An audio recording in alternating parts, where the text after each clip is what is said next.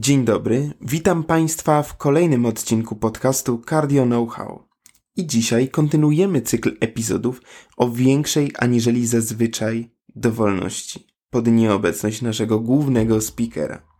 Ja nazywam się Aleksander Misiewicz i na łamach kilku odcinków mieliśmy już szansę się ze sobą spotkać. W ramach wstępu pragnę przypomnieć, że audycja dedykowana jest dla profesjonalistów i odzwierciedla wyłącznie moje osobiste poglądy.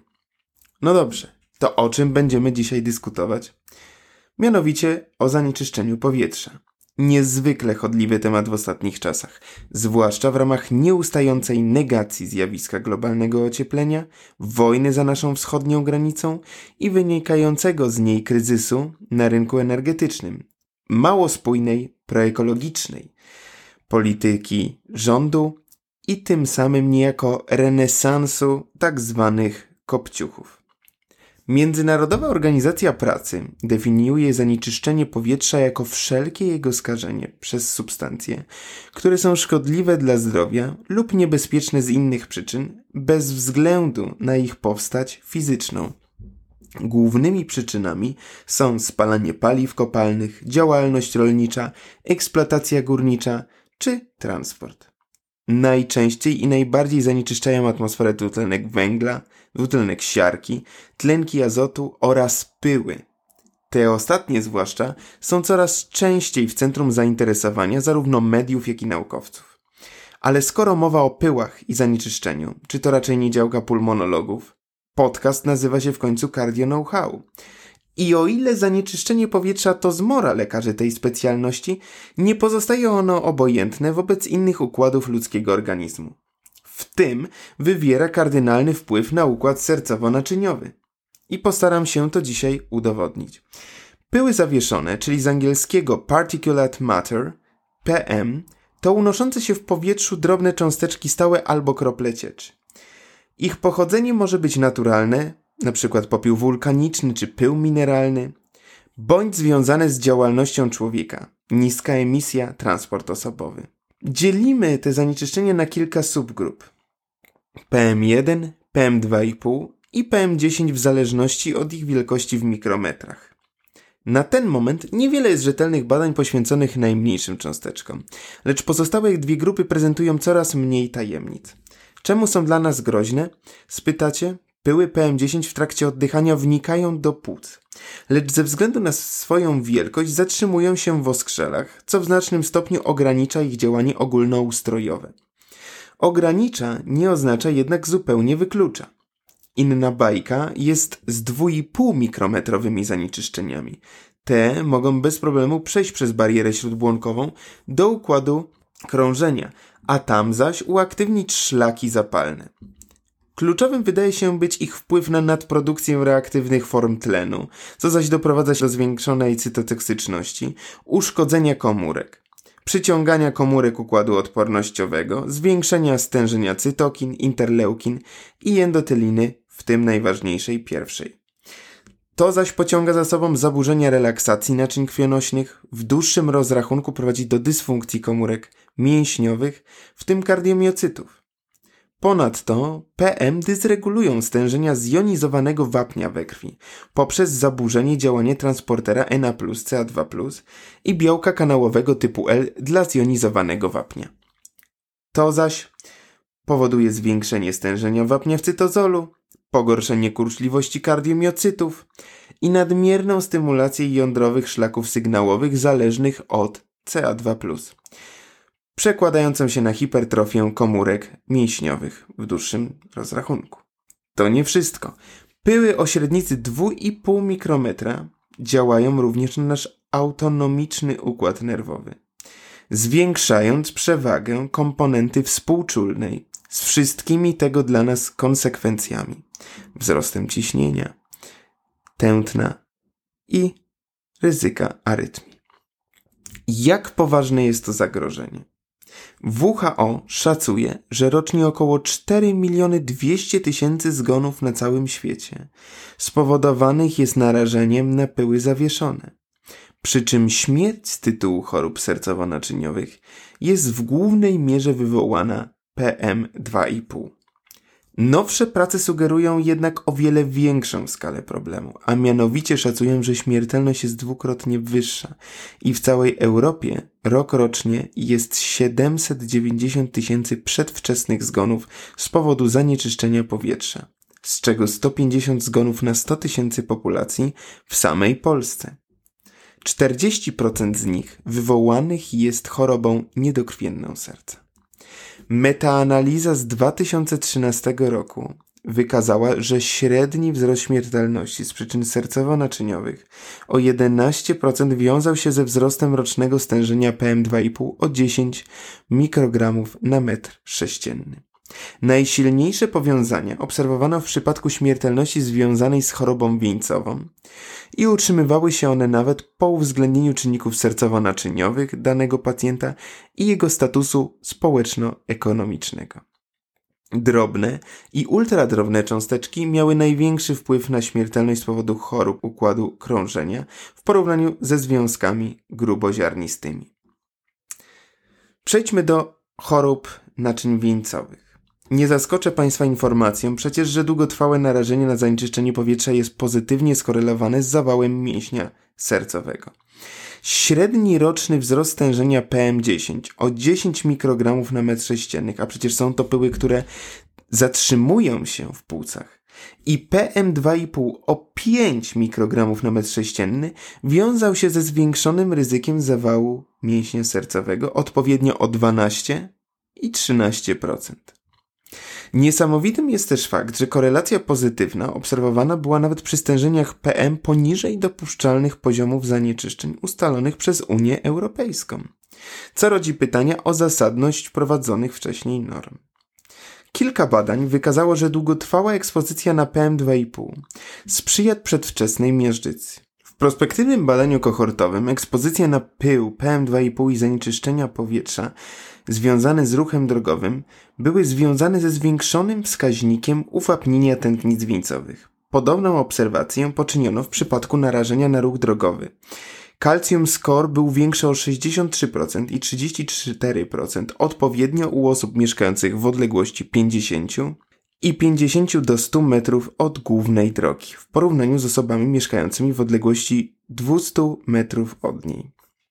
Co ciekawe, krótkotrwały wzrost stężenia pyłów zawieszonych zwiększa prawdopodobieństwo ostrego zespołu wieńcowego, a mianowicie każdy wzrost stężenia pyłów zawieszonych o średnicy 2,5 mikrometra o 10 mikrogramów na metr sześcienny w ciągu 24 godzin poprzedzających zdarzenie wiązał się ze zwiększonym ryzykiem o 2,8%. Ryzyko to jest większe u osób starszych. Czy istnieją powiązania między niewydolnością serca a zanieczyszczeniem powietrza?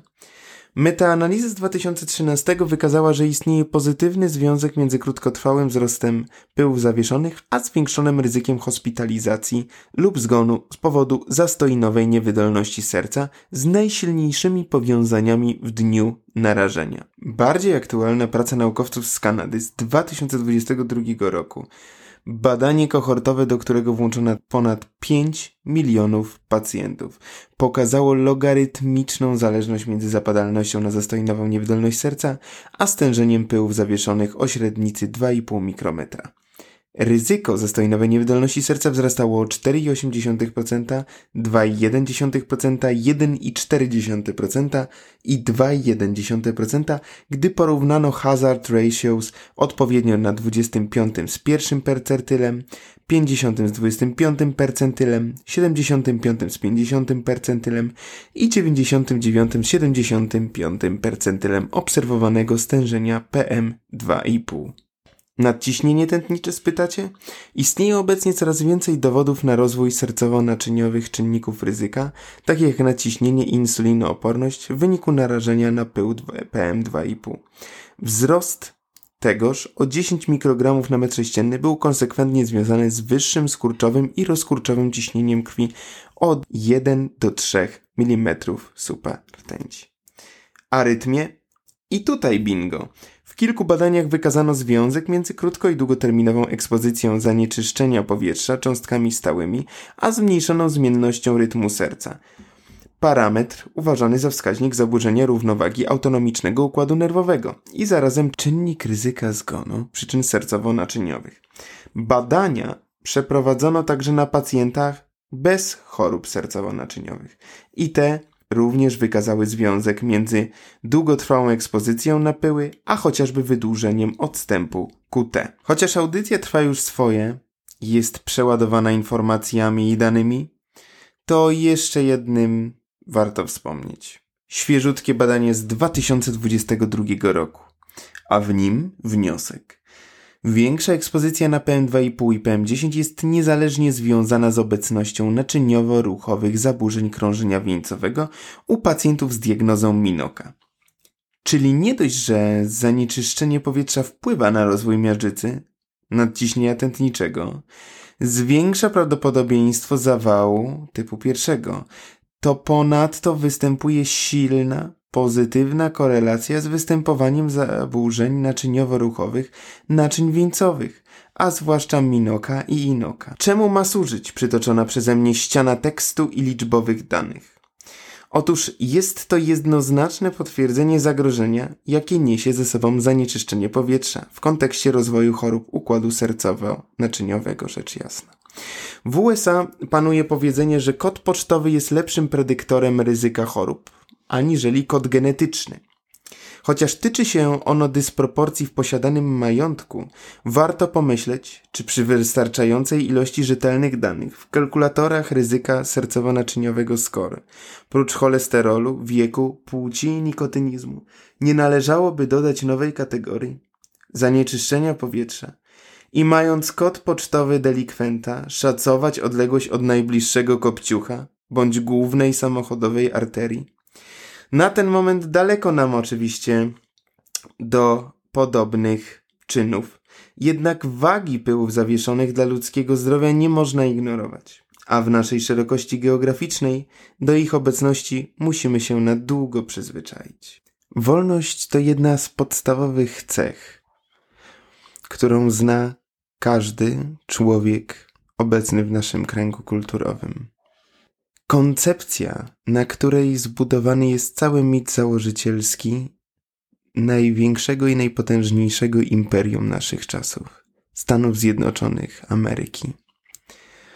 Od czasu upadku muru berlińskiego, rozpadu ZSRR i wyzwolenia Polski spod jarzma komunizmu przez Solidarność, obserwowaliśmy zmierzch systemów totalitarnych w Europie. Byliśmy przekonani, aż nazbyt pewni, że wolność w tym momencie jest niezagrożona oraz nie trzeba jej strzec. Byliśmy przekonani, że jest ona teraz cechą powszechną. Ale czy jest tak na pewno? Tę tezę pod wątpliwość poddaje Timothy Snyder, fenomenalny historyk, profesor Uniwersytetu Yale i biegły znawca języka polskiego oraz historii Europy Środkowej i Wschodniej. Autor dzieła Droga ku niewolności, na łamach którego przedstawia on nam kulisy największych zmian i zdarzeń politycznych w XXI wieku. Zwraca przede wszystkim uwagę na coraz bardziej postępującą i wręcz ordynarną demagogię w polityce oraz w mediach, w tym co najważniejsze, najnowszych mediach społecznościowych. Podkreśla wpływ szerzącej się manipulacji na zmieniające się trendy wyborcze w krajach Europy Zachodniej. Ale przede wszystkim uwaga czytelnika skierowana jest na wschodnie imperium, a mianowicie Rosję, jej politykę wewnętrzną i międzynarodową oraz to, w jaki sposób Putin, czyli najdłużej chyba panujący autokrata naszych czasów, doszedł do władzy, a także jak problemy Rosji nie są zwalczane, a eksportowane. Jeśli chociaż w minimalnym stopniu swoim mało udanym sposobem zachęciłem Państwa do przeczytania tej lektury, to gorąco zachęcam. Dowiecie się też Państwo, dlaczego data 10 kwietnia 2010 roku jest dla autora tak kontrowersyjna. Ja zachęcam Państwa do śledzenia mediów społecznościowych Cardio Know-how, kolejnych podcastów i oczywiście oczekiwania na powrót naszej głównej gwiazdy. Wszystkiego dobrego.